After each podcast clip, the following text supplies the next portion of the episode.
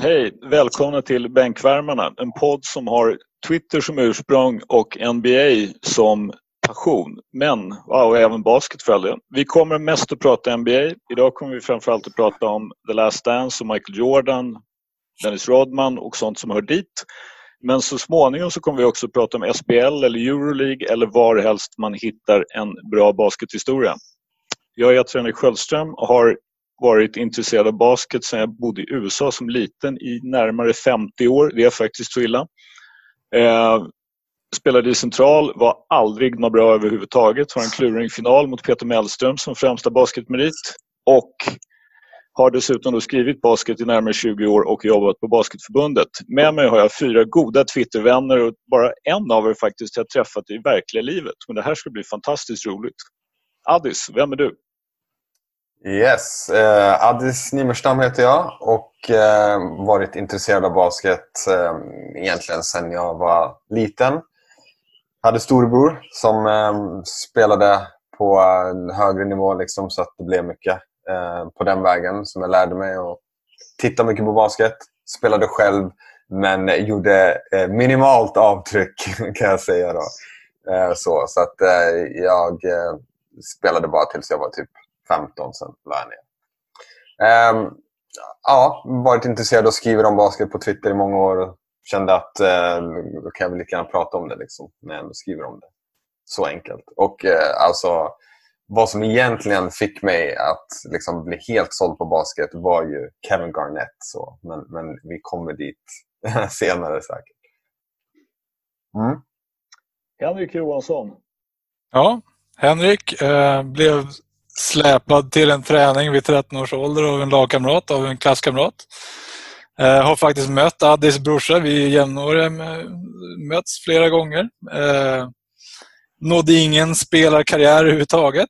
Något division 1-år. Eh, men sen har jag coachat ligan och eh, i Jämtland och i Umeå i damligan, herrligan, division 1. Något år på Sanda. Uppsalas damer ett år. Typ det.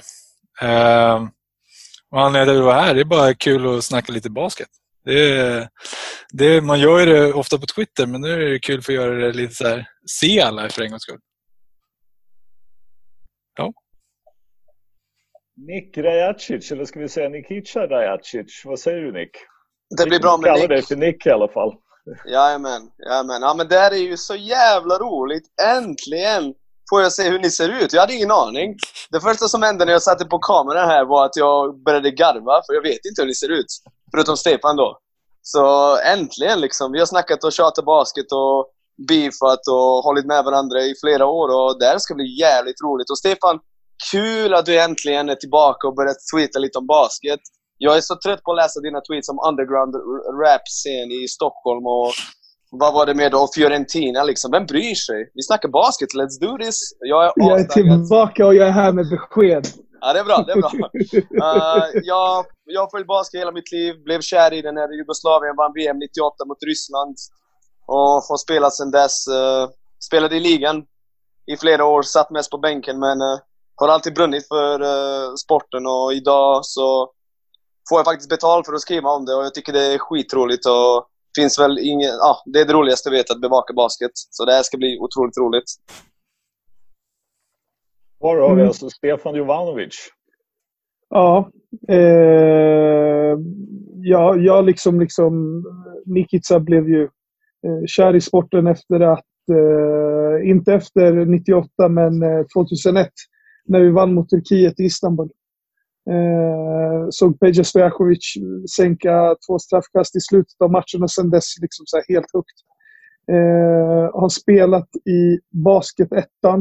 Eh, det är väl den högsta nivån man når eh, om man inte riktigt eh, är jätteseriös i sitt basketspelande. Men min största gärning är väl ändå att jag har varit med och grundat eh, det som nu är en av Sveriges största föreningar Eh, och även varit sportchef i den. Eh, så. Eh, ja. Du måste ju säga att det är AIK Basket också. Du kan ju inte låta, låta mig säga att det är AIK Basket ja, du ja, pratar om. Så här, jag väljer, jag, väljer, jag väljer att inte underskatta våra lyssnare. Jag antar att de som lyssnar, de som lyssnar på det här vet vilka vi är. Precis. Faktum är att det är ju så här att eh, Nicks claim to fame är ju att eh, basketlegendaren Jonte Karlsson utnämnde hans blogg på Borås Tidning som han skriver där, som för övrigt är jag kan ju säga så här, jag tycker Jonte hade fel, men Jonte när han coachade Borås utsåg den till Sveriges sjunde bästa basketblogg. Så vår målsättning är ju att bli åtminstone Sveriges sjätte bästa basketpodd. Eller vad säger Det- du? Det låter, det låter rimligt och inte särskilt ambitiöst, så det är bra. Som våra basketkarriärer alltså. Okej. Precis. Precis. Precis. Sjukt ändå forskning. att Nikic är den som har haft eh, bäst karriär utav oss alla.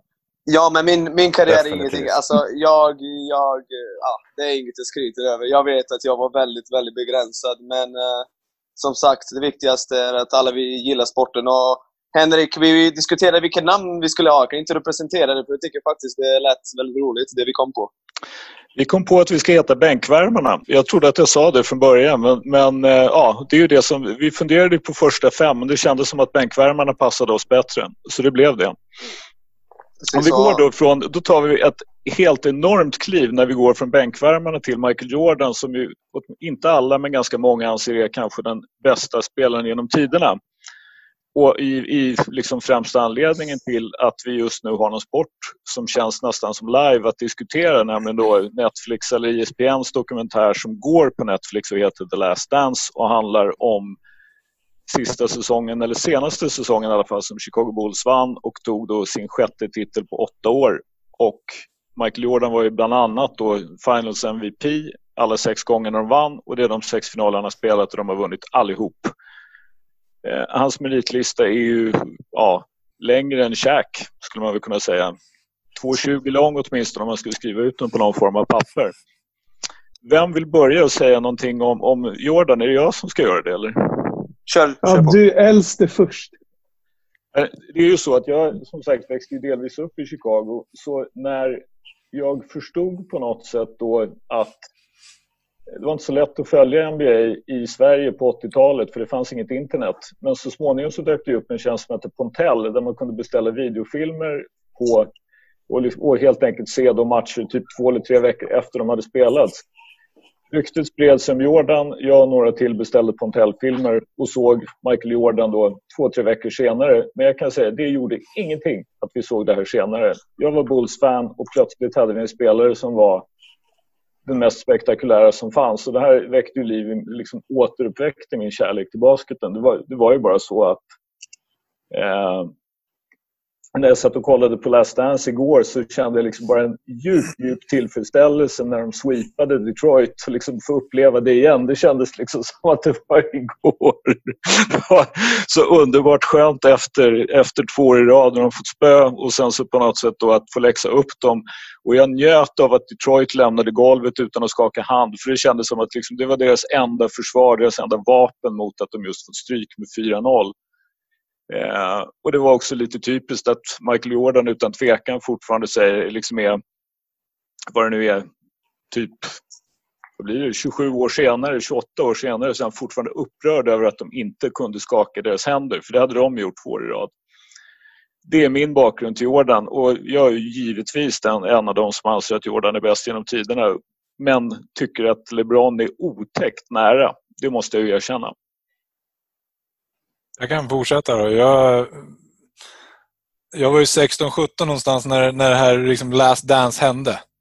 Och någonstans var det så. Jag hade ingen koll på det här med liksom eh, vinnarmentalitet och allt sånt där. Utan jag tyckte bara han var en någon sorts elegans och skicklighet tillsammans med atletism. De vann massa matcher eh, och ofta så var det han som sköt jag hade inte så större, jag tänkte inte mer på basket djupare då. Jag har inte tänkt på det djupare. Liksom. Sen, sen har man ju sett lite. Och det jag tycker är häftigt nu med att se Let's, den här sista den här Dance, det är ju liksom eh, någonstans vem han var och vem han liksom... Ah, man kommer ju onekligen in på det här LeBron versus MJ. Helt utan tvekan. Och då är det så här, liksom det som alla har sagt emot LeBron är så här, han passar bollen. Ja, men när blev det MJ blev riktigt bra och började vinna? Jo, när han börjar mer förstå att han ska utnyttja sina lagkamrater. Så jag gillar det ändå, men det finns ju både delar i den här serien som gör att de som håller MJ som det här mytologiska får sitt. Och samtidigt de som kanske liksom håller emot, håller LeBron som högre, de får också sitt. För de ser så här, ja men han var tvungen att passa bollen, han var tvungen att spela som lag och så vidare. Så jag tycker ändå den ger en, även om den är Jordan-influerad, det märks att han har sitt järnhand runt den, så är den ändå, tycker jag, ja, jag tycker ändå den visar ganska bra att han var tvungen att vara någonting mer än bara legenden. Uh, jag tycker att den, den, än så länge så är den väldigt bra. Och jag har hört att det kommer mer som, som kan visa på det. Men uh, ja, jag har också MJ som nummer ett. Men jag har också LeBron som en också otäckt nära tvåa. Eller inte otäckt. Alltså, jag tycker... För mig det är, är de två. Ja, jag tycker de två har sitt. Men jag tycker också det är samtidigt väldigt svårt att uppskatta dem bakom. Så det är min... Jag tycker att det är jävligt intressant att du säger att det, eh, det berättar lite grann om vem man var där och då. För jag, jag är ju yngst här. Eh, mm. och, och, när The Last Dance ägde rum så var jag liksom knappt sex bast. Jag hade mm. ingen aning om vem han var. Eh, för mig var Michael Jordan liksom snubben i Space Jam. Mm. Mm. eh, och och liksom McDonalds-leksakerna eh, från den tiden. Det var Michael Jordan för mig. Jag såg inte en match eh, förrän jag var typ ja, men kanske 12-13 bast. Eh, så för mig var det alltid Kobe Bryant, speciellt när jag började spela basket. Men sen så fattade jag ju någonstans att eh, utan Mike så hade aldrig Kobe varit den Kobe var. Rest in peace. Eh, så. Alltså, jag kommer ihåg Alltså precis därför, jag kommer ihåg det var sommaren, typ så här, alla mina kompisar började sommarjobba. Alla, och alla mina lagkamrater sommarjobbade på posten. På brevbärare hela bunten. Och jag vet att alla de skulle vara på väg till jobbet när jag satt upp och kollade på just de här matcherna mot Utah. Och det, det var ändå en häftig känsla att se den där live. Och då var det, jag tror det var Supersport eller någonting sånt vi kollade på. Och jag höll ja, på att spy. Jag tror, jag tror att det var det. Jag höll på att spy varje gång Jonas Karlsson sa servitören Tony Cook. Men det var en sån. Men jag kommer bara ihåg honom som liksom, liksom blandningen av atletism och en sorts eh, skicklighet. För det var inte... Det var liksom, det var mest guard som kunde gå åt båda hållen. Lalala. Alltså, nu var det plötsligt en 1,98-kille som hade det där och atletismen. Uh, jag kan ta nästa. Jag uh, kommer inte ihåg när jag lärde känna Michael Jordan. Jag bryr mig inte egentligen. Jag har gjort min läxa, jag har sett hans matcher, jag förstår hans plats i basketens historia. Och det är inte alls säkert att vi sitter här liksom och gör detta om inte Michael Jordan hade börjat spela basket. För det är mest tack vare honom. Det, basket blev ju en global sport. Mm. Problem, mm. problemet är när man börjar överdriva och liksom det känns som att hela Jordans aura nu för tiden handlar om saker som är... Eh, du nämnde det innan Henrik, det är liksom bara massa... Det är ju det är en myt liksom. Jordan hade också dåliga sidor. Michael Jordan förlorade matcher. Michael Jordan behövde ha ett ruggigt bra lag, eh, lag runt sig själv för att vinna. Och när han inte hade det så var han medioker. Alltså hans lag var medioker. Han var aldrig medioker såklart. Och det är just det där i jämförelsen med LeBron som gör så mycket ont, för LeBron är min favoritspelare. Men det var han inte från början, utan han blev det så småningom när jag insåg okej, okay, den här snubben, han är något jag aldrig har sett innan. Och eh, ändå får han så mycket kritik än idag som är obefogat att det gör att jag stör mig på Michael. Så det, det är liksom en konstig dynamik, men det är så. Liksom. Och jag har respekt för hans game, tycker dokumentären är bra, tycker att det är Michael Jordan som gör dokumentären bra, för, för han är så ärlig och äkta och säger vad han tycker. Men det är något som vi kommer säkert eh, prata om ofta i framtiden. Och, nej, jag, precis som Henrik så tycker jag att Michael är etta, men LeBron han förtjänar att nämnas i samma mening och jag vill inte höra något annat, för jag accepterar inte det. Alltså, jag känner så här, då är jag den enda här som har LeBron före. Alltså. Nu, ja, ja. nu sitter man ensam. Men eh, Alltså egentligen min, min relation till Jordan är ju egentligen den första matchen jag såg, Eh, alltså NBA-match, så var eh, Utah Jazz mot eh, Chicago Bulls från finalen. Jag, jag, minns inte om det är 97 eller 98 på någon videoband. Liksom så. Det är egentligen den första basketmatchen jag ser. Typ. Eh, så så att den, det, jag känner ändå att jag ändå har någon sorts relation till honom sedan jag var liten. Men eh, jag känner väl att eh, idag har LeBron för mig gått om Jordan eh, så på min all time ranking. Eh, egentligen av den simpla anledningen att LeBron har ju fler säsonger som är dominanta. Så jag, jag värderar eh, peak högt men också liksom att kunna göra det över en längre tid. Så. My dog. My, jag gillar det jag hör. Jag älskar det jag hör. Let's go! Jag är fired up just nu. Jag ska, jag ska inte dra liksom Jordan, Jordan men, men det som väl är det som jag tycker är lite intressant som eh, dels när jag tittar tillbaka nu och liksom går igenom lite grann vad gjorde Jordan för någonting och tittar då på The Last Dance. Det som jag tror är kanske det som gör honom till det här mytologiska det är ju ändå just det här hur han även när han låg risigt till, även när han möter lag som liksom som Pistons som spör upp honom medvetet. Så småningom så lyckas han etablera någon form av dominans. Han vinner tio raka scoring titles. Alla pratar om att Phil Jackson ser till att han måste lära sig passa bollen. Side-note här, första NBA-finalen då mot, mot Magic Johnsons Lakers. Jordan har alltså i snitt på fem finaler 11,4 assist. Magic hade 12,4. Men Jordan gjorde också 31 pinnar. Så som sagt, Jordan kunde passa bollen. Det är liksom ingen, ingen, eh, ingen diskussion om detta. Så, eh, och det är väl det som jag skulle säga liksom som då är LeBrons problem. Är LeBron, om vi då ska prata om skills, så är förmodligen LeBron egentligen en skickligare basketspelare än, än, än Michael Jordan. Och inte bara för att det har gått 20 år och liksom bättre träningsmetoder och allt vad det är. Utan ett, ett bredare register. Däremot så har han ju inte riktigt på samma sätt lyckats etablera sin dominans gång på gång på gång. Beror det på att Golden State har varit för bra? Han har trots allt, vad är det nu, sex finalförluster på nio va? Men, ja. Vunnit tre och, vunnit tre och förlorat sex. Det där vill jag bara svara. Det vill jag svara, men fortsätt. Nej, men alltså, jag, jag, ser, jag skulle se, det är ju det som jag ser som på något sätt gör den här argumentationen. Det har ju kommit den här barbershop, barbershop-reklamen när man då diskuterar det här och just pratar om då, och det här är en väldigt amerikansk vinkel på det hela. LeBron har förlorat, alltså är han en förlorare. Jordan har 6 av 6 på något sätt och är Finals liksom MVP allihop. Samtidigt finns ju då förstås Jordan, eh, den här eh, Nike-reklamen, eh, Nike failure, när han pratar om det här. Jag har missat 9000 skott, jag har förlorat 300 matcher, missat 26 game winners. Ja, men det där är ju bara för narrativ och grejer. Jo, självklart. Men samtidigt så är ju det... Om du frågar Steve Kerr och, och en hel del reportrar så menar ju de just det här att det som en grej som gjorde att Jordan hela tiden kom tillbaka var att han var inte speciellt bekymrad över att förlora. Han ville vinna, men han var inte, det var ingenting som så att säga att han liksom eh, backade bort ifrån att det skulle kunna hända.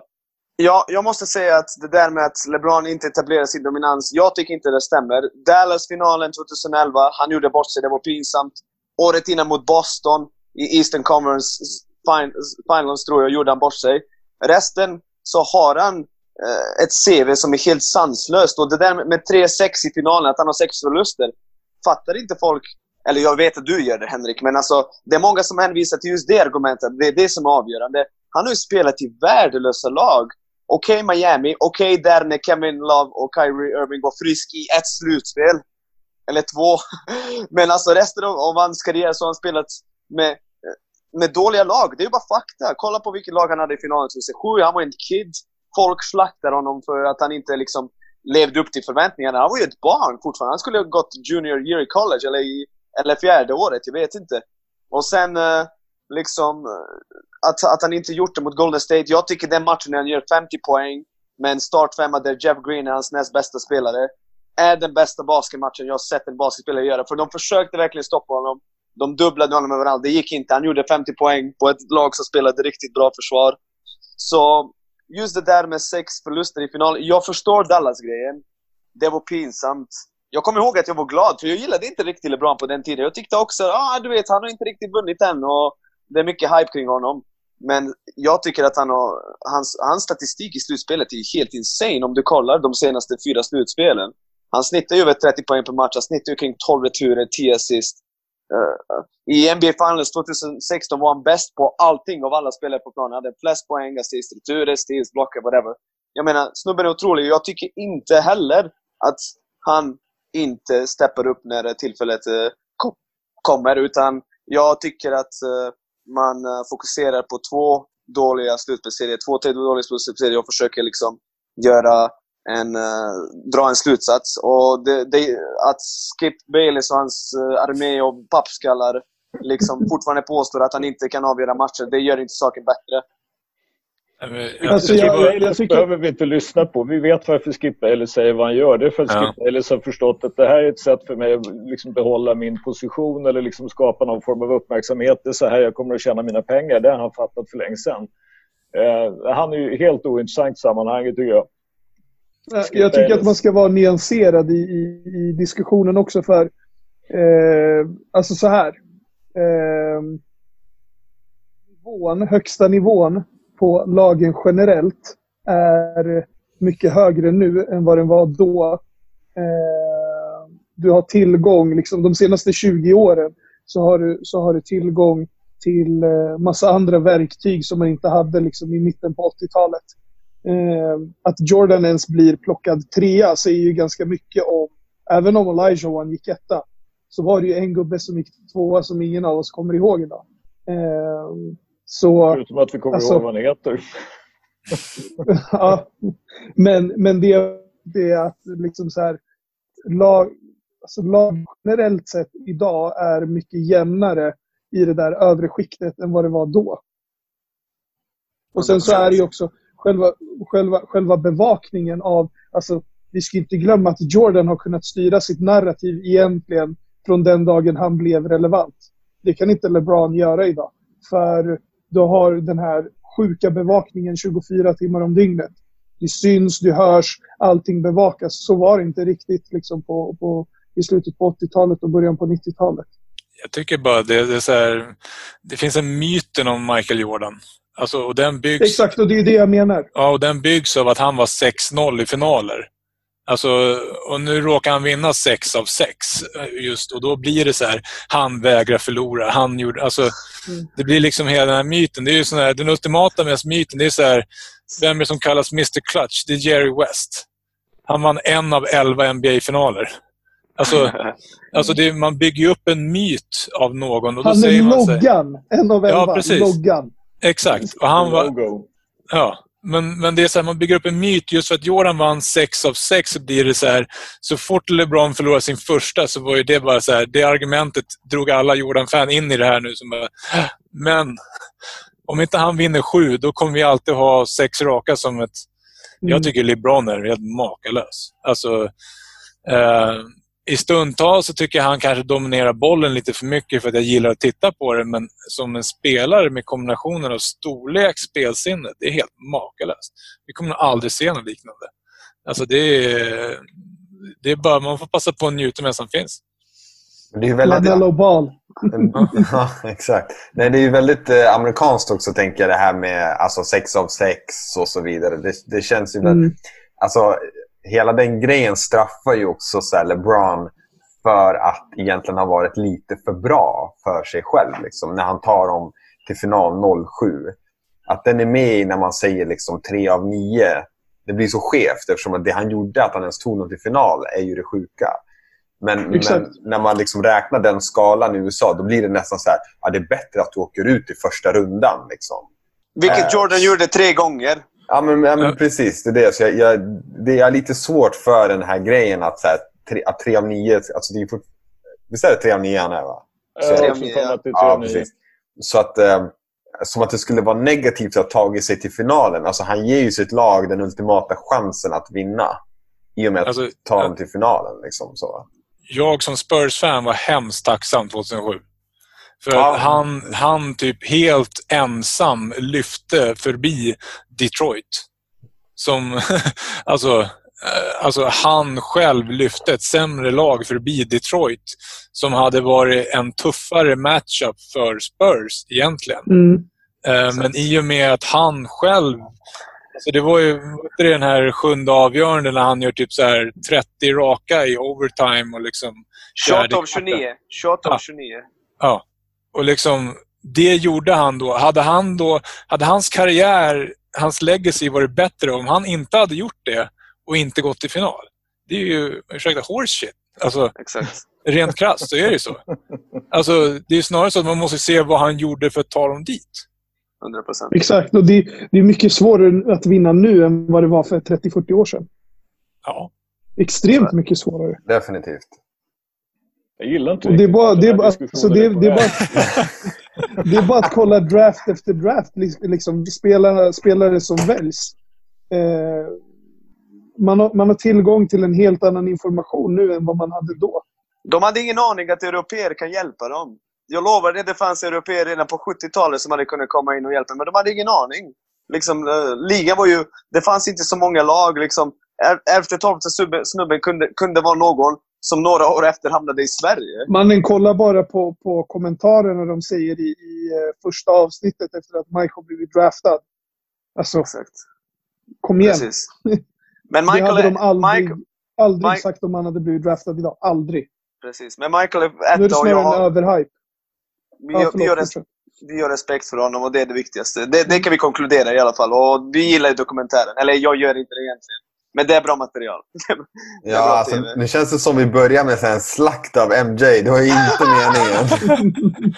Jag, jag har jättesvårt att se det som en slakt av MJ. Det blir ju mer det just när jämförelse med LeBron som ju är faktiskt oundviklig om man är om man, är, om man vill vara rättvis mot LeBron. Den som, jag, menar, jag är som sagt jag är Jordan-apologet liksom ut i minsta lilltånagel. Det är liksom, för mig är han störst. De enda som möjligen kan konkurrera är folk jag vet mindre om, typ Usain Bolt och sådär. Men om man inte kan uppskatta LeBrons storhet så då är det ju något, då är det ju något fel på en faktiskt. Det är lite, lite, då är det närmast synd om men om man inte kan förstå att det här också är en unik spelare som egentligen besitter samma egenskaper som Jordan fast är lite större och lite starkare.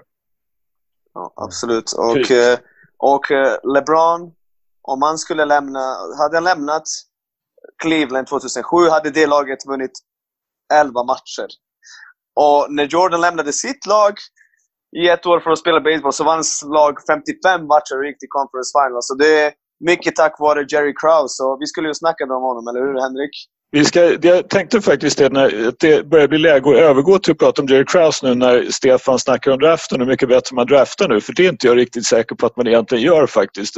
Det, och det beror ju delvis förstås på att det finns många fler spelare att drafta och eh, att man jag menar, dels ska du ha koll på Europa nu när man draftar och dels så ska du också ha koll på ganska många fler spelare som, som kommer mycket tidigare. Men förr i världen gick du tre eller fyra år på college. Du kom ut när du var 20-21-åring. Det är lite, lite lättare att göra någon typ av bedömning. Plus då att man ju förstås hamnar i det här, vad var det Hubie Brown sa?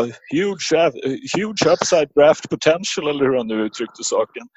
Eh, som gör att alla NBA-lag tänker att en 18-19-åring är bättre än en 20-21-åring för vi kommer att göra honom bra. Och det är ju då precis skulle jag säga ett eller två år då man är väldigt formbar och det är inte alls säkert att de har materialet för att göra det. Men Nick, det var ju du som tog upp det här med Jerry Krause, alltså han som var general manager i Bulls när de vann alla sex titlarna och eh, blir ju rätt fraktfullt behandlad av både Pippen och Jordan som man ju ser här i Last Dance. Ja, alltså Ja. det, det, vi, vi, här pratar vi ju om en snubbe som... Och, om man tittar på vad han har gjort, jag vet inte hur han var som människa. Jag tror inte vi aldrig kommer att reda på det. Vi ser ju att folk stör sig på honom. Men tittar man bara på hans meritlista, och han fick ju bestämma allt. Det får man eh, reda på väldigt tydligt i dokumentären. Han är ju den bästa beslutsfattaren efter Jerry West. Ingen eh, liksom kan komma i närheten av Jerry, så är det. Men hans moves var ju helt insane. Och trades han gjorde. Och liksom, kolla på John Paxson. Han, han behåller honom. Liksom, Paxson var ju en okej spelare, men det var ingen liksom, kultlirare. Han behåller honom där i åtta år. Och så sänker han de här superviktiga skotten i finalen 91 och 92 mot, Phoenix- nej, 93 mot Phoenix. Och, det känns, och så behåller han Tex Winter och, och tror på Tex Winter till tusen procent. Och Tex Winter, han har revolutionerat basket. liksom det där med bollrörelse och rörelse utan boll och tänka två steg framåt och använda trianglar. Det är något som fortfarande finns i basketen idag. Så Jerry Krause, eh, han är död, men jag vill säga att jag har jättemycket respekt för vad han har gjort som GM. Och det är inte så att någon bryr sig, men eh, jag, Tony Cooker sa det i intervjun nyligen. Han var chockad över hur de målade upp honom. För han sa att när, när eh, Jerry Krause flög över till Europa så sa han till Tony, Tony du måste komma, du kommer spela med Michael och, och Pippi och vi kommer vinna massa. Så allt handlar inte om Jerry Krause i Jerry Krause värld. Även fast jag förstår att han blev lite för stolt där i slutet och tog några otroligt dåliga beslut som begravde Chicago som uh, förening. Så jag tänker så här, varför... Man får inte reda på varför det skär sig mellan, mellan uh, Krause och, och Phil Jackson. Man, man får bara reda på att det skär sig, men inte varför. Jag vet att jag har läst någonting om det här. Jag tror att, jag undrar om inte Phil Jackson är inne på det här i någon, i någon av sina böcker. Att det liksom... Ja, det, det, jag skulle tro att det, de kände ju varandra länge. Alltså det var ju faktiskt Krause som plockade mm. upp Phil Jackson först och exakt, främst. Exakt. När han hade liksom en ganska obskyr karriär. Han var ju spelare i bland annat New York Knicks och vann, kommer inte ihåg om vann två titlar med Jackson. Två, två två. Och sen då så småningom så via, alltså bland annat coachande i Puerto Rico så kom ju, och det var ju Krause som såg till, så kom ju Phil Jackson som assisterande coach, Doug Collins och sen så sparkade de Doug Collins och ersatte honom med Phil Jackson. Och mm. då hade ju de liksom rest runt tillsammans. Det här är ju det intressanta med Krause också. Han var ju alltså inte bara en, en, en hade näsa för baskettalanger utan han har ju också varit baseball scout åt jag kommer inte ihåg om det är sex eller sju olika baseballlag både före och efter Bulls. Mm. Så han kunde ju liksom jobba på sommaren med, med baseball och på vintern med basket innan då han blev general manager för Bulls. Mm. Vilket, ju, vilket ju tyder på någonting. Eh, sen måste man ju säga, nyansera lite grann bilden av, av Krause. Han gjorde fantastiska bra grejer med Bulls fram till, liksom, framförallt då så draftade han ju Pippen och Grant och tradade för att kunna göra det. Och Pippen var ju någon som var ju helt okänd. Liksom, spelat på ett litet college och ingen har sett honom. Krause har sett honom. Men även då plocka Horace Grant till samma draft som ju var eh, power forward första, den första threepeaten. Och var liksom så att säga det tredje hjulet då, tillsammans med Jordan och Pippen. Eh, men efteråt så gjorde ju Krause en del rätt tveksamma grejer. När, alltså bland annat då tradade bort Elton Brand för att kunna drafta Tyson Chandler och så draftade han Eddie Curry som fyra. Sen tröttnade han på dem fort och dumpade dem. Just det. han tradade bort Ron Artest och Brad Miller för att få Jalen Rose. Alltså, men, men... Man, måste, man måste ändå säga att alltså, hans mest underskattade är just den här Phil Jackson. Alltså mm. att Doug Collins ändå var liksom MJs coach. De hade gått... Mm. Jag menar, vi har ju sett det i modern tid nu med Golden State som har ersatt Mark Jackson med Steve Kerr, tog nästa steg. Toronto förra året. Toronto definitivt. Mm. Alltså de sparkade coach of the year, tog in en assistant coach. Mm. Menar, hade, det var någon som ställde en fråga faktiskt på Twitter, någon, någon expert som frågade hur många titlar hade MJ vunnit med Doug Collins? Det är ju så här, det är ju en rejäl grej. Alltså hade mm. de vunnit lika mycket med Doug Collins som han gjorde med Phil Jackson? Ah, jag tror inte det. Men då är det så här, men då är det så här, okej, okay, då är det Kraus move som ändå tar en ett ganska avsevärd grej. För det vet du, för han fick mycket skit för det. För de hade ju varit i Eastern Conference Finals eller någonting med Doug Collins och vunnit... Michael Jordan var inte alls glad. Nej, nej. Men han tog ju och, och liksom, var hade Phil Jackson varit om det inte varit för Jerry Krause? Det tycker jag är rätt intressant. Nu har han 11 titlar, mest av alla coacher i NBA-historien. Ja. Hur många, det är som sagt, vad, hur många hade MJ haft med Doug Collins istället för Phil Jackson? Det tycker In, jag är en inter, Inte intressant. lika många i alla fall. kan man ju nästan helt kan man nästan vara säga. säker på. Ja, precis. Ja, det känns orimligt liksom. Mm. Fan, jag vill prata om Draymond Green. Kan inte vi prata om Draymond Green? Snälla, jag orkar inte vänta. Vill du prata om Draymond Green? Vill du jämföra med Dennis Rodman eller vill du bara prata om Draymond Green? Jag vill, jag, jag vill först läsa upp en dikt jag skrivit om Draymond Green. Vill ni höra? Absolut. Absolut. Oh, den, är, den heter Åh käre Draymond, du suger. Uh, Ja, jag blir väldigt emotional när jag läser det här för att uh, jag tycker det är ett mästerverk. Men uh, låt mig komma in i det bara. Ge mig, ge mig en sekund bara. Ah, uh, tralalalala, let's do this. det är ingen som ifrågasätter dina skills. Du är en allstar, defensiv specialist. Du duger. Men inte fan har du revolutionerat basket. Och kära Drummond Green, du suger. Återigen, det är inte dina skills jag stör mig på. Du har dina kvaliteter, du kan röra på dina fötter. Men du, du brukar ofta choka i slutspelet. Din främsta merit i playoffs är att du sparkade Steven Adams i nötter. Enda anledningen att du är känd är Steph och Clay, trots att du tycker att du är störst, bäst och fin. Du är um, irriterande och jobbig. Uh, när ska du förstå det? Och vad du su suger, käre Drummond Green. Du är inte den enda som överdriver. Även Steven Jackson är mytoman som håller på och ljuger.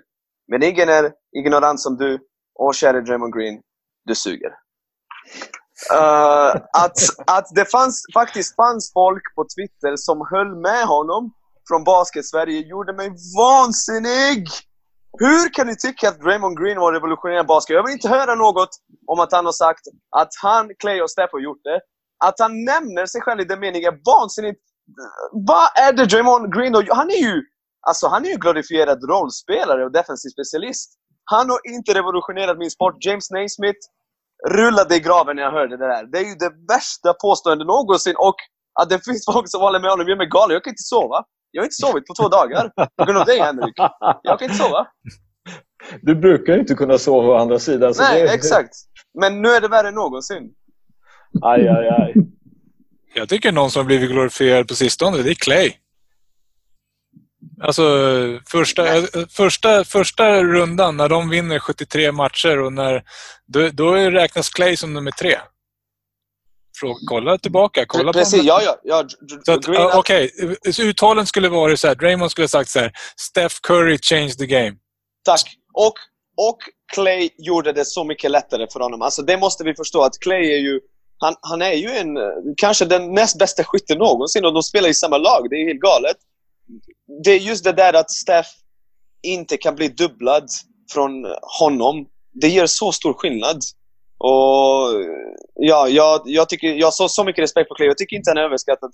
Just för att han också spelar försvar. Det gör han. han, han inte överskattad, men om man säger hans placering gentemot om vi pratar i de här tre, så är ja, det så här, ja, ja, då, kanske, jag, 2015, 2016, då skulle jag säga att Draymond var nummer två.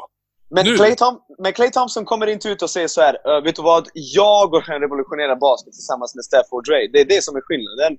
Det är Draymond som kommer ut och säger, och det är, alltså, jag snackar med folk som tycker att han, är, att han hade varit out of the League om inte Steve Kerr hade tagit över och liksom upptäckt vad han kan göra.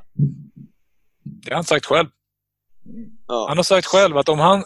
För det var ju den... Innan de eh, liksom satte igång så var det så här. Alla ville att de skulle skicka Clay Thompson mot Kevin Love. Exakt. Och då skulle han ha varit en throw-in. Och då har han sagt på Bill Simmons podcast att hade jag varit en throw-in, då hade jag varit körd. Då hade inte jag blivit, då hade inte jag blivit den Draymond Green jag är idag. Jag hade troligtvis varit utanför ligan. Aldrig. Man behöver ju tillfälle. Det är precis som Rodman. Hade inte Rodman blivit tradad till Chicago Bulls, säg att han blivit tradad till Clippers 90, 95. Då hade det ju varit kört. Speciellt om han hade varit i LA. Ja, då hade han varit i Las Vegas konstant. Så det, ja, då hade det spårat ur totalt.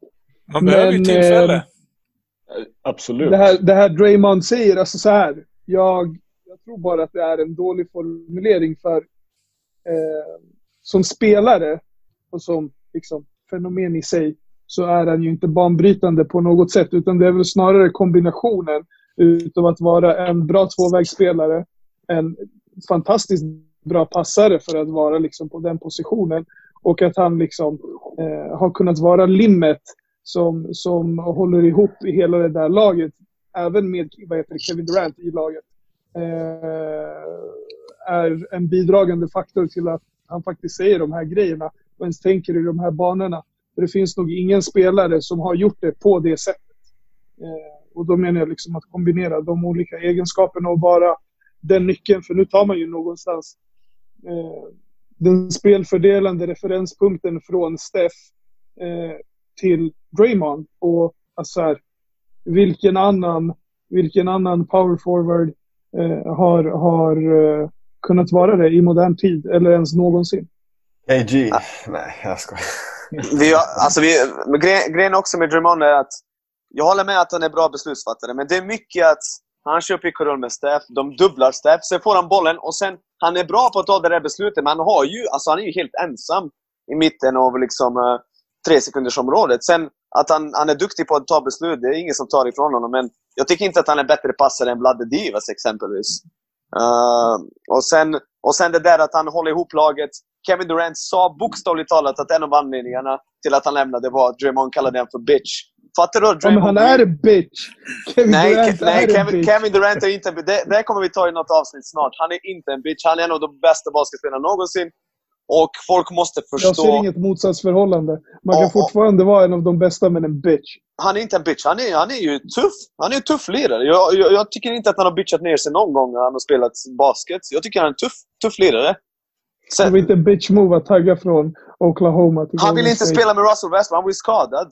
Han var ju mentalt Alltså, jag, skadad. jag hade inte heller, du vet att jag inte gillar Russell Westbrook. Jag tror inte att Russell Westbrook någonsin kommer att ta en ring. Avskyr honom. Bland det värsta jag sett någonsin. Men, men, men, eh, fortfarande bitch move att, att lämna Oklahoma och gå till Golden State. Jag hoppas verkligen att han vinner en titel i Brooklyn så folk kan bara hålla tyst och inte ge sig på hans personlighet utan fokusera på att han är 2-11 och typ mest killade basketspelare någonsin. Alltså, kan inte vi snacka om Kan inte vi lägga fokus på det? Alltså, där, det är en grej som är lite intressant faktiskt där med Raymond Green i det här. För de vann ju två, hur var det nu, de vann en titel utan... eh, Och två med ut, ut, och två med. Och om man tittar rent spelmässigt, vem i Golden State gav upp mest när de tog dit Kevin Durant?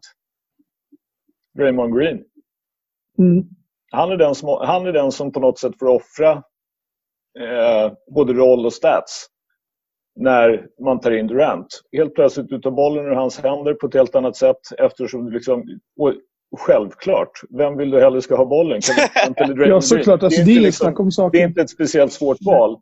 Men och det här är då, och nu vet, jag har absolut ingen aning om, om liksom vad som har försiggått i, i Golden State och sådär. Men i alla fall när de tog dit Durant, då var det ju ingen som hade, eller framstod det inte som att någon hade någonting emot det. Däremot så är det väl, och det visar ju The Last Dance också, det är ganska svårt att hålla ihop ett lag med den här typen av personligheter. Det är alltid något. Liksom. Det är, är det pengar? Är det hur mycket poäng jag får göra? Är det Mm. coachen gillar mig? Gillar jag coachens fru? Eller liksom vad det nu månde vara. Men det, liksom, det är ganska tunga personligheter och Raymond Green visar väl liksom att han tycker att han eh, får en hel del skit här och att han faktiskt ändå är liksom en bidragande orsak till att Golden State har kunnat vinna och gå till final även utan Durant.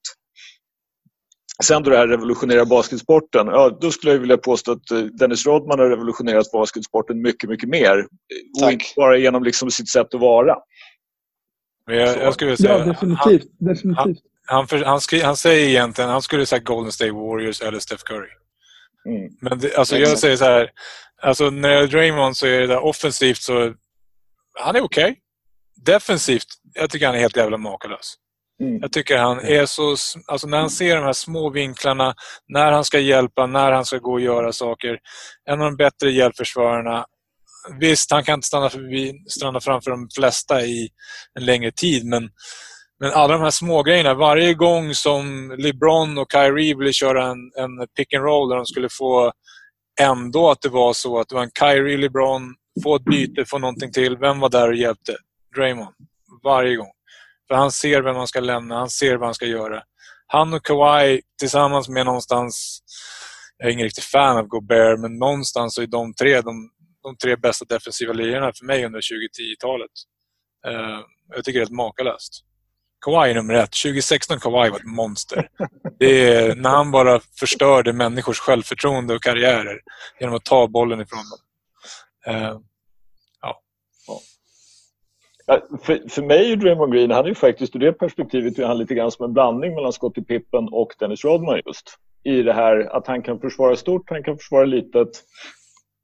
Och han har på något sätt just en känsla för det här. Liksom, var ska jag vara någonstans? Vad har jag för vinkel? Hur kan jag täcka av både en passning och samtidigt se till att hedga lagom mycket på en screen för att tvinga till exempel Kyrie att överväga liksom, jaha, vad ska jag göra nu? Det blir liksom, han lämnar ingenting självklart.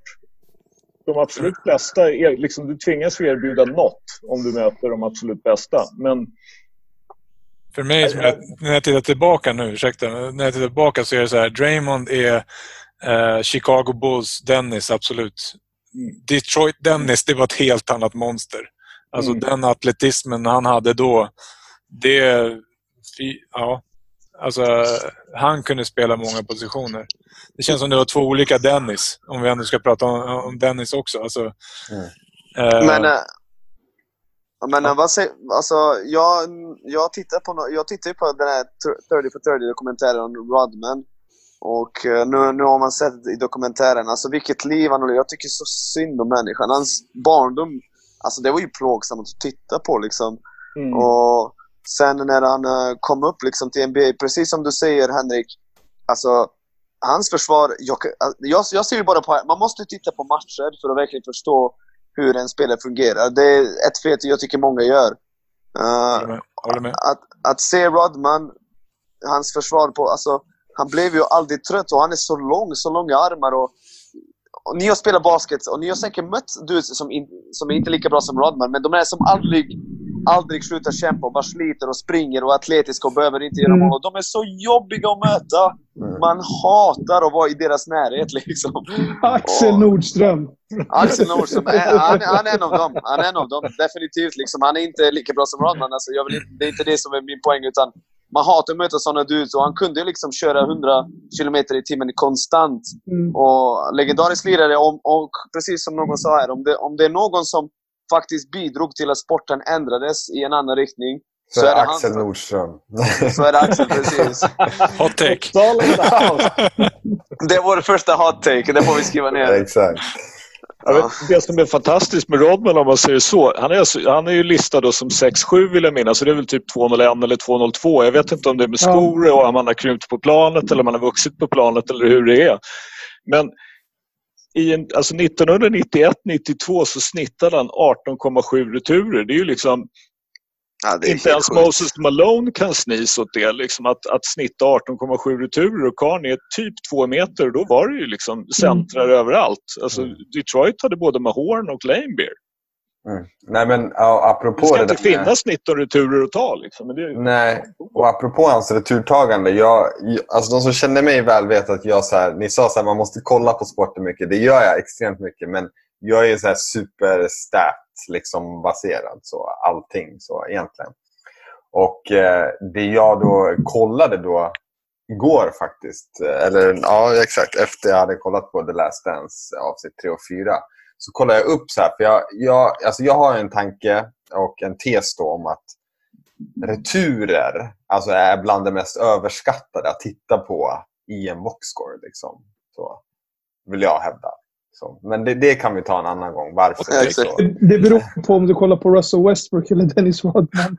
ja, men precis. Men, exakt. Och då, det jag gjorde då var jag kollade liksom så här, okej, jag kollar eh, hur hans lag har eh, tagit returer helt enkelt. Liksom. Per 100 possessions kollade jag då. Eh, de lagen han har spelat i. Och sanningen är att eh, de ligger ju etta tvåa varje år. Liksom. Så att hans impact är ju inte bara att Precis. jag tar returer som någon annan hade tagit. Så. Eh, eftersom att hans lag, alltså Pistons-lagen och i Bulls, även i San Antonio, men det är lite annat. Han spelar med David Robinson. Alltså ja, det är inte så konstigt att de, de drar ner returer. Liksom. Men, ehm, men de ligger etta, tvåa, trea liksom varje år. Lagen han spelar i returtagning.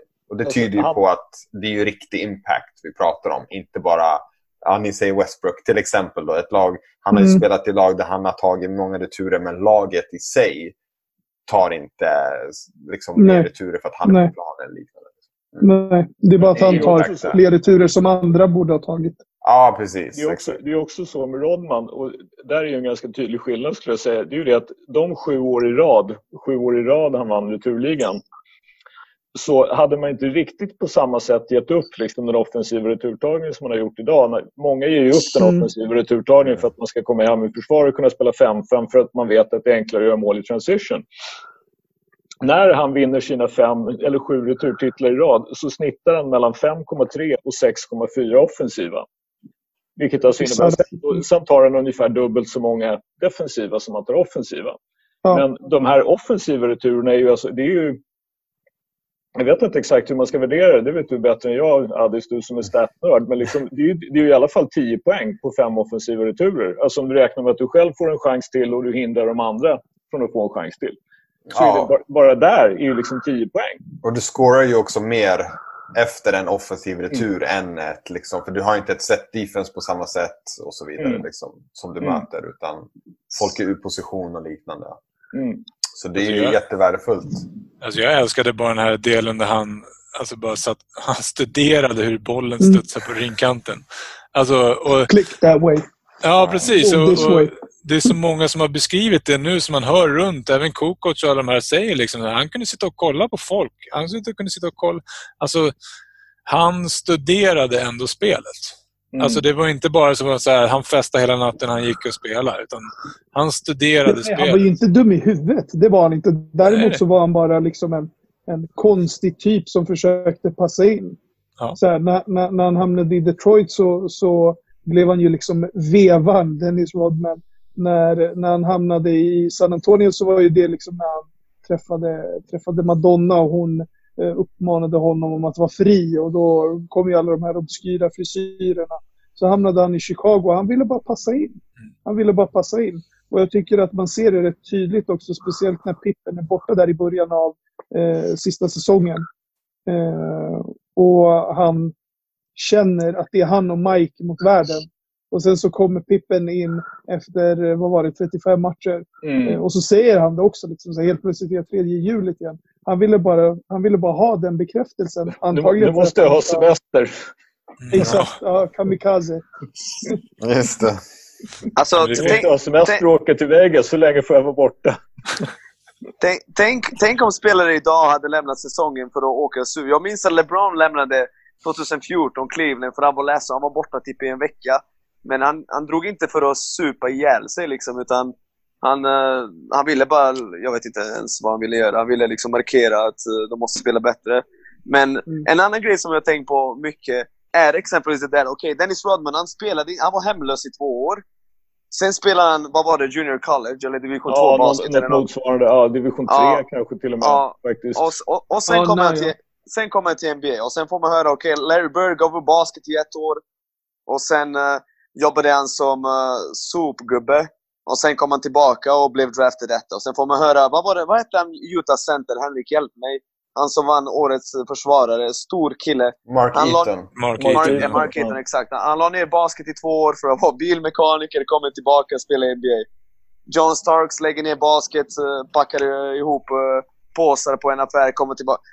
Kan man verkligen göra det i dagens basket? Nej. Kan man verkligen lämna basket i två år och sen... Nej det är något charmigt med det. Det är något charmigt med det att, liksom, att man kunde göra det. Men samtidigt, jag tycker också det är ett tecken på att dagens basket är så mycket bättre. Du har inte råd att vara hemlös i två år. För folk tränar så mycket och folk tränar så bra. Och folk utvecklas hela tiden. Och det är så stor konkurrens.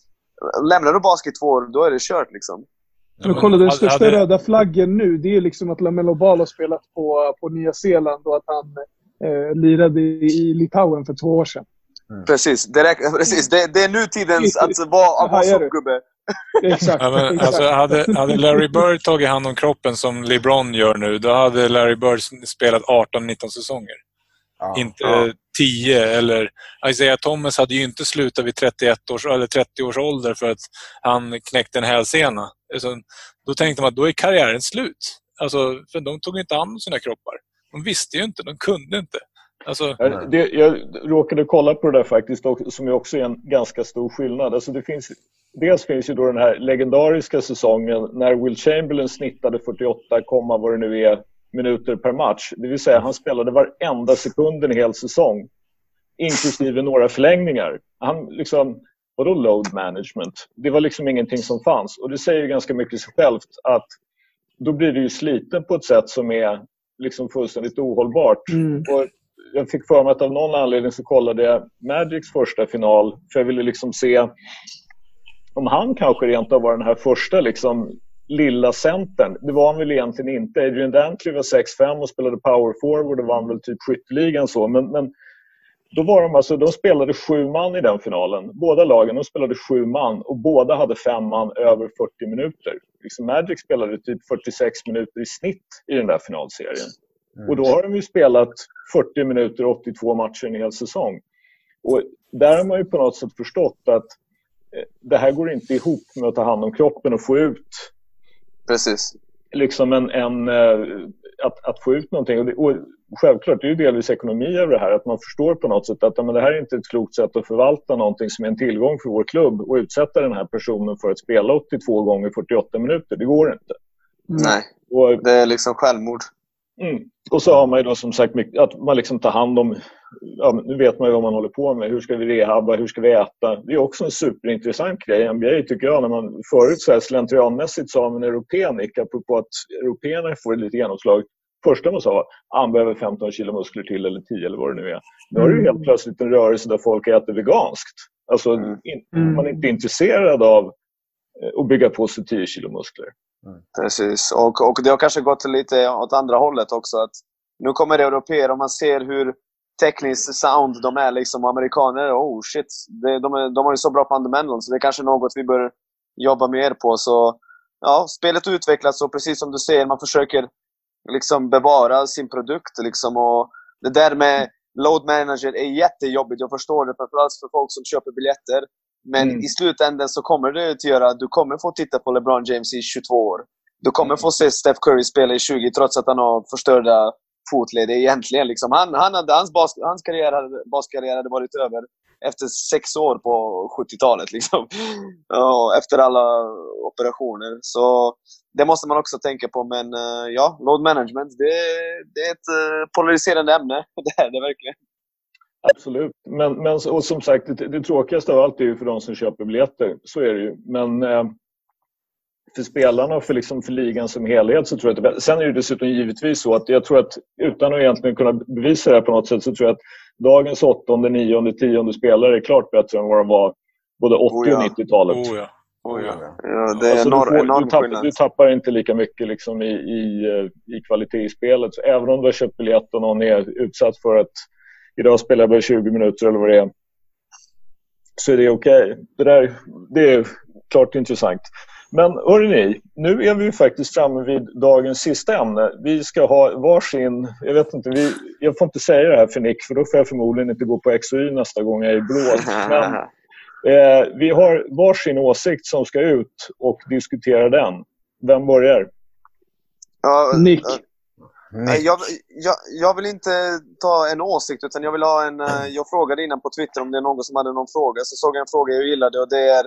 Tycker ni att Kevin... Nu är vi tillbaka på Kevin Durant, men jag måste ta det för jag brinner för det ämnet. är han topp 10 basketspelare någonsin idag? Och mitt svar är att han är topp 5. Och jag vet att jag får skit för det och bla bla bla, men jag bryr mig inte riktigt. Jag vet vad jag ser och jag vet att jag inte har sett de här skillsen innan. Och jag, och jag vet att han kommer vinna någon mer titel. Jag är 100% säker på det. Är hans kropp bra, han är så pass talangfull att han, att han är kapabel till att bära ett lag till liksom fler titlar. Och enda anledningen till att han inte vann i OKC är Russell Westbrook. Och det är också, mm. jag, jag, vill inte höra något annat. Hade han spelat, hade Russell Westbrook spelat som tvåa och de hade haft en point guard som kan liksom fördela bollen så att Durant inte behöver skjuta med en sekund kvar på skottklockan varje jävla gång. Då, då hade han haft fler titlar. Men i alla fall, jag tycker att han är topp fem basketspelare någonsin. Jag, jag vet att folk gillar Wilt och Russell och alla de här grabbarna, men Wilt och Russell kunde inte göra saker Kevin Durant kan göra. Och, Definitivt inte. Och, Definitivt inte. Och, ja, jag älskar hans game och jag hoppas han får redeema sig själv och att folk slutar kalla honom för bitch. För, för det märks att han mår dåligt över att folk har målat upp honom som en orm och allt det där. Och, ah, det är bara synd om killen. Trots att han tjänar miljoner och allt det där. Ni fattar. Jag tycker alltså, det är tidigt att säga att han är topp 5. Där, däremot så är jag beredd att redan idag säga att Kevin Durant är topp 10. Men topp 5 vill jag hejda mig lite med. Stefan, du ville säga något? Ja, nej, alltså, så din hot take är att uh, Kevin Durant är topp 5? Ja, hot Någonsin. take. För, för mig är det sjukt rimligt. Men uh, det kanske är hot take i era öron. Jag vet inte. Ja, det är definitivt en hot take skulle jag säga. Ja, men om vi rabblar upp dem då. LeBron, Giannis. Alltså, kan, inte vi, kan, inte vi, spa- kan inte vi spara det till något eh, annat avsnitt? Ja, okej. ja. Vi gör det. Vi gör det. Vi gör Jag tror han skulle gå in som en topp 10 när han, när han väl blir frisk. Jag vet inte om han blir frisk nästa år av hälsenan. Eh, Ingen är tillbaka av riktigt första säsongen, men jag tror att han kommer vara topp 10 någon gång mer i Mm. karriären. Absolut. Jag tror inte han vinner en titel. Ja, det får vi se. Han är så pass bra, den här snubben. Jag tror att han klarar det. Men alltså, vad gjorde han i slutspelet förra året innan han skadades? Det var ju det sjukaste jag sett.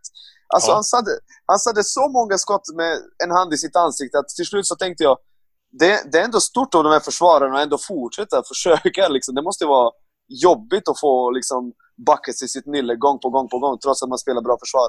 Men vi lämnar Durant, vi går till nästa hot take. Vem är det? Vems tur är det? Addis. Ska jag köra? Okej. Kör. Ehm, ja, min hot take är att ja, det är också en polariserande person har jag märkt efter mina år på Twitter. Då, men jag håller eh, Chris Paul extremt högt. så. Och för mig är Chris Paul en eh, topp tre point guard någonsin faktiskt. Vilka var det ovanför? Eh, det är Magic. Mm. Eh, alltså, det, Magic känns ju ganska given. så. Exakt. eh, tänker jag. Eh, men sen tycker jag att det är, ja, jag vet inte. Det är ganska tufft där efter Har det. du Paul över Curry? Ja, alltså det, det är ju den, den kommer jag ju få släppa, tänker jag. men, men jag har ju haft det, men eh, alltså Currys peak är ju mycket högre. Liksom. Det är bara att inse. Liksom. Så att det är väl Curry och Magic. Sen Chris Paul. För mig känns det som en hot take för att jag vet folk gillar inte Chris Paul. Alltså. Det, Nej, och jag tycker också att han är helt löjligt underskattad. Jag, jag skulle ha den här gruppen på tre personer. Sen skulle jag ha Jason Kidd och eh, Isaiah Thomas. Och jag skulle faktiskt inte ha Steve Nash i den här gruppen. Utan där har jag en femma som jag tror på. Sen hur man vill ranka dem. Jag skulle inte heller ha Stockton, men det återigen, vi kommer ha massa tillfällen att prata om det här. Vi kan ta den Jag är mest förvånad att ingen av er nämner Allen Iverson. Men han, han, var ju, han var ju mer en scorer där i Philadelphia. Han började som point guard. Ja, men då blir det ju liksom så här, okej, vad, Precis. vad, vad är kriterierna för en point guard? Allen. Iverson var ju det som man började prata om då, tycker jag i alla fall. Det var ju han det som man började prata om, som man började benämna som en lead guard snarare än, än, än liksom en point guard. Så, och sen är det ju då, liksom, ja, vad är skillnaden egentligen? Jo, det är ju att en, en lead guard scorar lite mer än en point guard. Så Steph Ja, Curry men så vad är Derrick Rose då? Vad är 2011 Derrick Rose? Lead överskattad.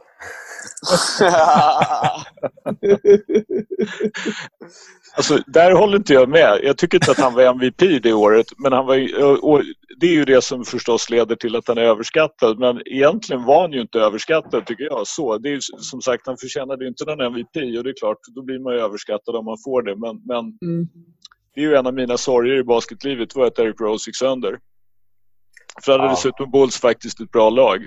Och vad var Rose när han fick MVP? 22 eller 23 eller något sånt där? Ja, typ 22 kanske. Mm, 22. Ja, innan Tib- Tibbs körde ner resten av laget också i botten. Apropå load eh, management. Apropå load management. Vi leder med 20. Det är klart han ska vara inne. Det är tre minuter kvar. Precis, precis. Absolut. Nej, det är som sagt Thibodeau, jag, Tom Thibodeau. Jag, jag är så kluven till honom. Jag älskade honom men också liksom, vet inte hur många gånger jag satt och suckade just över det här. Men Tom, matchen är slut. Ta ut dem. Liksom. Men det. eh, så Chris Paul var alltså ingen hot take för er? Ja, skönt. Nej, jag, jag, alltså jag, när, jag, när jag var coach, jag klippte ihop klipp av Chris Paul för jag tyckte just hur han agerar. Så jag vet, man får nog gå igenom. Jag, är så svårt, jag tycker alltid det är svårt i alla de här, liksom, hur bra var någon att bedöma någon som man inte har sett mycket matcher på. Mm. Så det är så här, ja Isaiah Thomas, jag har inte sett så mycket med honom. Jag kan inte riktigt bedöma galet. honom. Han var galet skillad. Alltså han var så skillad på sin tid också. Det är helt crazy alltså. Vilka handles Mm. han hade och... Ja, ja.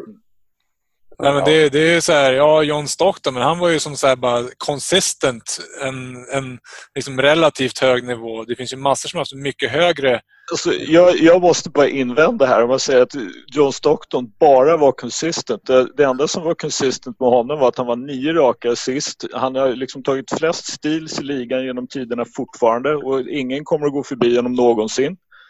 Han sköt för karriären 541, alltså 54 procent från två. 38,5 procent från tre och missade typ sju matcher på 18 år eller något sånt där. Alltså, jag, jag sätter nog inte Stockton topp tre heller, men där har vi en snubbe som är underskattad. Han spelade försvar också, men han Jo, spelade ja, precis.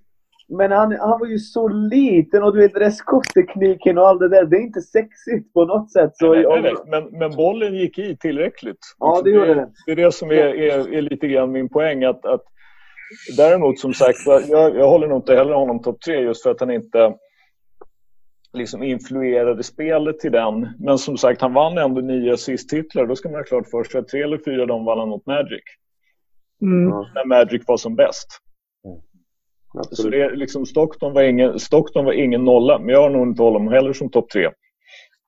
Det är ingen här som kommer slänga in Chris- jävla Bob Cousy eller någonting. Man får, man får väl säga att Chris, Chris Pauls den här säsongen med Oklahoma visar ju lite grann hur bra han faktiskt fortfarande är. Ja, verkligen. Mm. Klass. Alltså, man, det, det är liksom, alla säger egentligen åt pressdirektörer, men tanka och liksom trada och göra av med folk och sådär. Nej, vi vinner 40 matcher istället. Av 64 eller vad det nu är. Mm. De har samma record som Houston nu när säsongen liksom i princip, jag vet vad som händer med det, vet vi inte, men båda de får ju 40-24. Det är helt sjukt. Mm. Det, det hade man Det ju helt inte sjukt. tagit på förhand. Fall Nej. inte jag. Det hade man inte. Ja, ska vi gå vidare till nästa hot take? Jag kan dra min.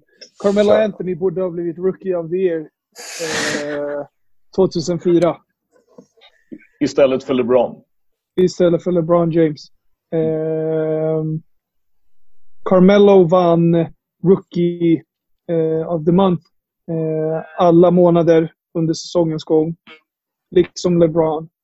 Men tog sitt lag till eh, playoffs och eh, var i princip eh, bättre i alla statistiska kategorier. Men mediahypen kring LeBron James gjorde, eller bidrog till att eh, Stefan. han sen blev Rookie of the Year. Ja. Jag kommer ihåg faktiskt, det kommer jag aldrig glömma. Jag var 15 bast, du vet, LeBron hade kommit in eller så var jag 14 eller något sånt. Och då började, du vet, båda var upphypade. Båda ja, öppnade säsongen starkt. Och sen skulle de få mötas första gången. Och jag kommer ihåg Mm. att hypen var riktigt, riktigt bra alltså. Och Carmelo vann den matchen och Carmelo var klart bättre i det. Jag kommer aldrig glömma det. Ni kan kolla upp det. Första matchen de möttes, jag tror det var i Denver. Denver vann. Mm, Carmelo mm. var klart bättre. Och du vet, Ja, ja, ja. argument, jag, jag köper ditt argument till tusen procent. Även fast jag älskar LeBron. Carmelo hade ett underskattat rookie-år. Och det var ju... Det, jag har ju alltid tyckt att det var mer okej, LeBron är nya Jordan, vi ger det till honom. Vi vill sälja honom. Du vet. Mm. Det var ju, det var ju mer det än att... eh, Ja, men hela grejen liksom med, med flätorna, pannbandet, att han signade med Jordan Brand eh, och allt det där. Sen så hade han lite mer problem vid sidan av planen vad kanske någon annan hade. Eh, så. Men eh, ja, han borde i alla fall ha blivit Rookie of the Year. Definitivt. Jag tycker inte den är helt orimlig. Jag, jag minns där och då. Jag var liten, men... eh, Ja, men när är det här? 2003? Ja, 15 år. Ja, Tju- 2004. Ja, 0304. 03-04. Ja. Precis. Mm, Eh, Jag minns att jag tyckte det där och då. Så att jag, jag kan inte riktigt säga emot. Jag minns att jag bara vad Mello borde ha vunnit liksom. Så här. Exakt. Och han hade ju vunnit en, vad heter det, NCAA året innan. Mm, precis. Så alltså, Ja. Jag kommer knappt ihåg det där. Jag var mest inne på, fan kan vi byta ut Tony Parker mot Jason Kidd istället? Eh, jag, var, jag var faktiskt inte så jävla koncentrerad på LeBron och Mello. Det var mer bara så här, byta ut Frans-jäveln. Men, eh, ja. Och hur fel hade inte du? Vad sa du? Och hur fel hade inte du? Ja, ja, nej, men jag har ju dömt ut spelare som har blivit bra. Det, man har haft några, några hot som har varit helt... åt- Ja. Nick, jag hittade boxscoren för eh, deras första möte. V- Vad hade jag rätt? Eller inbillar jag mig? Ja, nej, du har rätt. LeBron hade sju poäng. Tre av elva Mm. från golvet. Usch, Nej, men jag, det gillar vi inte. jag kommer ihåg det där. Mello ihåg kom in och var så jävla redo. Så jävla redo. Jag kan säga att Ricky Davis hade 17 pinnar också. Inte. Ka- visst, hade Carmelo kring 15 något sånt? Ja, 14. Precis. Ah, fan vilket bra minne jag har alltså. Och det är Ricky. Davis var highscore i Cleveland. Ja, precis. Nej, faktiskt inte. Det var Ilgauskas. Men eh, Okej. Ricky Davis tätt bakom. Okej. Så vilket jävla Det är ju- dåligt lag det där. Alltså- det är ju klassiska klipp när både Alltså, Ricky Davis och Boozer bara sågar LeBron. Och bara, typ det här? Ja, han ska Ja. hjälpa mig att scora liksom. Men, Nu får, ni, nu får ni hejda. Ni får inte döma ut till Gauskas. Nu får ni lugna er lite grann. men får jag dra deras eh, startfemma då här? Lyssna på det här. Vänta, LeBron vänta, vänta. James. Ja, Kan inte jag gissa? ja kör. I Cleveland så Ja. var det Carlos Boozer, Zidrunas, Ricky Davis, LeBron James, Darius Miles. Helt rätt. Och, och Ja, i Denver, Darius Miles också. Shit. och i Denver, glömt. vänta. Denver var Carmelo Anthony, Ja, Ne- Nene, ja. uh, oh, Kenyon Martin. svårt. Var Kenyon Martin... Nej, Ja, jag kommer, kommer inte ihåg längre. Det är Marcus Camby faktiskt. Ja. Och Ah, Andre okej, okej. Miller. Smith. Nej, Andre Miller och Bashan Leonard.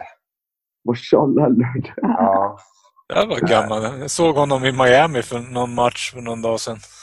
ja. Nej, så att eh, det är klassiska spelare här, men eh, det är inte bra. Det är de inte. Vi hatar men det- på Sidrunas och Andrew Miller. Alltså, jag är chockad. Ja, ja, men Denver hade inte helt illa lag. Alltså Camby, Camby, nej, nej, Andre okej. Miller. Det är Ja. inte... Sant. De, är- de gick ju Ja, till de gick eh, till slutspel. playoffs, men de rö- rök ju mot KG såklart. Mm. Självklart. Ja, ja. Ja, ska vi ta de sista två hattricksen? Kör. Ja, Jag hade ingen riktig hot take. Jag slog ju upp den eh, i vår lilla grupp. Ett Diskussionsämne. Vilka, vilka, vilka kommer förlora mest på om det, säsongen ställs in? Jag funderade ett tag på LeBron år blir det till. Mm. Eller är det liksom... Clippers har ju satsat hela framtiden för två år. Nu är Clippers det- utan tvekan. Clippers. Ja, Jag säger också Clippers. Clippers. Då får jag säga min hot take är Milwaukee. Uff, du tänker att... Ja, eh, för eh, Giannis går ju free agency. För jag tänker att det här var deras chans. ut 2021. Det här var deras chans att vinna. Alltså, det här är deras Ja. säsong. Hade de haft, jag tror nästa år kommer det inte bli samma grej. Chris Middleton i all ära. Eh, och alla liksom, jag tror att det här är hans chans att vinna i Milwaukee. Och Sen blir han free agent nästa sommar. Ja, Mm. ja. ja det är rimligt. Jag Det tycker att. Clippers, Clippers, Clippers var ju verkligen tvungna att vinna nu. För både Paul George och Kawhi sitter ju på tvåårskontrakt egentligen. Och nu Mm. försvinner ett år. Och du vet, Harkless tror jag drar för att han kommer inte spela för små pengar. Jerry West och uh, deras klubbledning lurade Lou Williams och signade det här kontraktet för 20 miljoner på tre år. Och det funkade, men det kommer inte funka mot eh, uh, Montreal, tror jag inte. Och jag tror att... Uh, jag tror för varje år som går så blir inte Kawhi och Paul George yngre. Det är två spelare som har brottats med massa skador hela sina karriärer. Mm. Så jag tycker faktiskt... Jag tycker att det var det bästa laget i NBA. Även fast Milwaukee var etta och LeBron, spelar, och LeBron och Davis spelar på Lakers. Jag tycker att Clippers, om alla skulle vara friska, Mm. skulle jag tippa dem som uh, favoriterna. Så de förlorar mest tycker jag. Alltså så här i efterhand så känns det ju som att de gav upp rätt mycket alltså för, för eh, Kawhi och eh, Helt sjukt. Eh, PG. Alltså, Och nu när man ser Chris Paul också. ja, precis. Jag känner bara jävlar. De, alltså, de gav allt. De har ju inget kvar. Liksom, i. Mm. Inga pix, ingenting. Ingenting. Och Jag hade, hade en dark horse i, i Philadelphia också. Alltså, de hade ju behövt se slutspelet egentligen hur det funkar mellan de där två. Nej, jag vet inte Mm. fan om det där alltså. de, de, är, de har varit så dåliga i år. De har... Ja, men det De jag menar. Är det dags att bryta dem? Alltså, Ja, ja. det hade de Ja, behövt ja, se i slutspelet, men nu får de inget slutspel att se det i. Så då är frågan så här... Ja. Jag kan inte Ja, tänka mig att Philly bryter en bild och Simmons också i och ut? för sig. Det, det tror jag. Nej, han har signat förlängning. Okej. Han har redan skrivit på liksom sitt typ max contract. Mm. Eh, Och är alltså ett år efter en bid. Så jag, jag har svårt att se att de bryter dem redan faktiskt. Även om det inte hade funkat i slutspelet redan i år. Men det, ja. Då är det alltså dags för min sista. Jag måste givetvis återföra oss då till Bulls såklart. Som har fått en ny general manager efter äntligen, äntligen, äntligen så Garpax blir is vi av med Garpax. Det är alltså inget ont om, om, om personerna och sådär men det ska bli skönt att se någon annan och dessutom då den som jag ville ha mest av alla, Arturas Kanishovas. Min gubbe! Precis, min gubbe också. Men det är ju inte riktigt det utan det är ju mer det att Bulls har ju alltså nu, de har alla picks kommande år Mm. men de har redan sex rookie-kontrakt som, liksom, som löper just nu. Mm. Och vad ska då Kanisovas göra? Å ena sidan behöver man ju på något sätt ta reda på vilka rookies är någonting att ha och hur ska vi hantera liksom den här situationen? Jag ser det så här, han måste trada Zach Levine. Jag skulle säga första byt coachen. Ja, det, men, men det kan jag säga så här, Dumpa det, har jag liksom börjat räkna med. Det kommer han Ja. såklart att göra. Jag kan inte tänka mig någonting annat. Det finns liksom... Men vem ska ta in? inte så... Jag måste Vem man ska ta in? Vad sa Ja, du, faktiskt. Ja, vem man ska ta in. Jag har faktiskt ingen aning om det. Jag har inte riktigt... Kenny Atkinson, Den är bra. säger jag. Skulle, skulle, skulle kunna vara helt okej. Ung coach som är bra på att skapa den här eh, college-liknande som de hade i Nets förra året. Så jag tror han Alltså- skulle vara perfekt. Alltså, Henrik, om jag ska vara ärlig. Det de måste göra nu är att de måste kicka alla. Kicka alla. Förutom kanske Lauri och Kobe White. Jag tycker att Kobe White kan bli en sån där dude från bänken som kan komma in och ösa in tre och så vidare. Fan Men det inte där laget Kobe White. Det där, jag, jag tycker att Zach, Zach Lavine, Lavin, eller hur han uttalar hans efternamn, kan vara mest överskattade spelare i NBA. Hans produktion leder inte till vinster. Gillar inte Wendell Carter. Alltså, jag gillar ingen i det där laget. Jag, jag, tycker, jag såg någon match i, nu under SM. Jag tyckte det var så tråkigt att titta på dem. Vilket dåligt lag. Det är svårt att bygga hype kring det här laget. Det är svårt att locka en coach att komma dit och ta över och coacha Zach Lavine och liksom de här grabbarna. Det kommer inte funka. Allt, De måste allting ju- handlar ur det perspektivet om, skulle jag säga, eller till att börja med så måste Bulls liksom modernisera hela sin organisation. Man har en liten organisation idag, alltså en liten front office, kort om coacher, kort om scouter, kort om analytics. Och man har ju följaktligen heller inte helt överraskande inte utvecklat några spelare. Och jag gillar inte Zach Levine, för trots att Chicagos anfall dör utan honom så går man ändå bättre i plus minus utan honom än vad man gör med. Trots att han inte kan spela försvar och trots att Chicagos anfall helt dör utan honom så är de fortfarande bättre när han inte spelar konstigt nog. Just för att de då i alla fall kan spela lite försvar. Vilken pick har de i draften i år? Ja, det är ju inte klart. Jag menar, det beror väl på vad som... Jag kommer inte ihåg. Ja, men alltså vilken position sitter de på nu? Fattar du? Ja, vad kan de komma? Typ femma, sexa, sjua eller sjua som vanligt. I år, är- I år är ju en kass draft. Nej, Mm. Lamella, Alltså, Lamella det- Ball ska bli Hall of Famer. Har, har, har, Det räcker, jag kommer lägga på nu. Jag kommer blocka ditt nummer, jag kommer blocka dig på Twitter, jag kommer blocka dig överallt. Hallå, hallå! Lamella Ball Lamella kommer droppa i draften så, så hårt ni anar inte. Men det kan vi också ta någon annan gång. Jag, Ja, vi, vi kommer säkert att få anledning att återkomma till Denny Lamelo Ball. Avdia. Denny Avdia är den bästa spelaren i den här draften. Han är bra. Alltså, jag, jag, jag är ju lite häpen att ingen slänger in LiAngelo som, som, som Hall of Fame. Jag menar herregud, Lavar säger ju att han är den bästa scoren av dem alla. Litar ni inte på Lavar? Nej. Hans förtroendekapital är lågt alltså. Det... Det, jag tror inte något seriöst lag kommer att drafta Lamella Ball bara för att du vet, de vill inte, de vill inte ha den här skiten. Charlotte Hornets. nej, nej. Vi, jag tror att blir det någon så blir det Cleveland. Även fast de har draftat guards på sistone. Därför de är desperata efter att fylla sina seats. Eller Atlanta Hawks för de är ju dumma i huvudet liksom. Jag tror inte... tänk dig- Tänk dig en backcourt med Trae Young och äh, Lamello Ball. Att de kommer släppa in 150 poäng per match. Alltså herregud. Nej, Hawks tror jag faktiskt inte på. De har Trae Young. Jag tror de skulle trada i Ja. så fall. De tradade ju bort Luka. Så klart de tradade bort Lamello. Av den anledningen vore det bara kul om han gick till Golden State så Draymond kan få skrika på honom. Fan vad kul. Sparka honom. när är, när är eh, vad heter det, lottningen? Det beror ju helt på vad de gör med säsongen. De har inte bestämt sig än liksom vad, De har skjutit upp det till typ någon gång början av augusti nu tror jag. Mm. För de pratar ju nu om att öppna vissa träningsgrejer, men, träningsanläggningar, men det är ju Precis, långt kvar alltså. Mm. Mm. Mycket långt kvar. Ja, men Ja. det känns väl nästan som vi är klara där så länge så får vi återkomma med LaMelo Ball och Ja. Atlanta Hawks och om Trae Young någonsin kan lära sig spela försvar. Yes. Jajamän. Grabbar, det här var jätteroligt. Jag, Ja, jag gillar det här. Vi får, eh, vi får styra upp där igen och det var kul. Det var skoj. Alla dagar i veckan. Faktiskt. Alla dagar i veckan. Det gör vi. Tack för idag. Vi hörs. Vi hörs. Det gör